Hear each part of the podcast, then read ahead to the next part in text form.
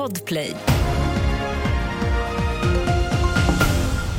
Här är senaste nytt om kriget mellan Israel och Hamas där intensiva strider pågår inne i Gaza City och många civila fortsätter försöka lämna vilket gör att rekordmånga är på flykt. Runt 900 000 personer enligt uppskattningar, det är svårt att veta exakt, men runt 900 000 personer har lämnat norra Gaza och tagit sig till södra Gaza. Men det betyder att det fortfarande finns runt 300 000 personer kvar i norra Gaza, framförallt i Gaza City. Igår så öppnade så att säga israelerna en väg under fyra timmar där de sa den här vägen kan ni använda för att lämna. Eh, 5 000 personer lämnade då, men det betyder ju att fortfarande finns väldigt många kvar där och det betyder också förstås att dödstalet när det gäller civila personer kommer att stiga inom de närmaste dagarna. Det berättade Jonas Källgren som är på plats i Tel Aviv.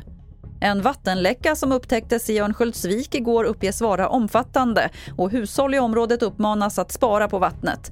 Reparationsarbetet kan bli komplicerat och under dagen kan boende bli utan vatten helt. Och om det kommer bli aktuellt med att hämta vatten någonstans så kommer kommunen meddela det under dagen.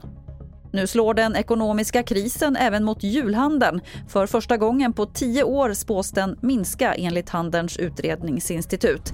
Det är många som fått ökade kostnader under året med stigande räntor och hög inflation. Och det gör att HUI sammantaget tror på en nedgång i handeln inför jul. Fler nyheter hittar du på tv4.se. Jag heter Lotta Wall.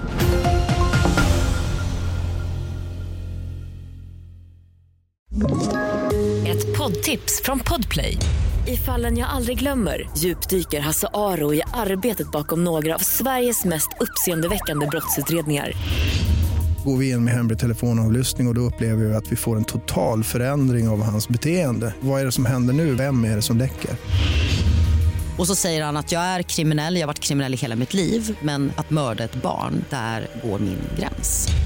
Nya säsongen av Fallen jag aldrig glömmer på Podplay.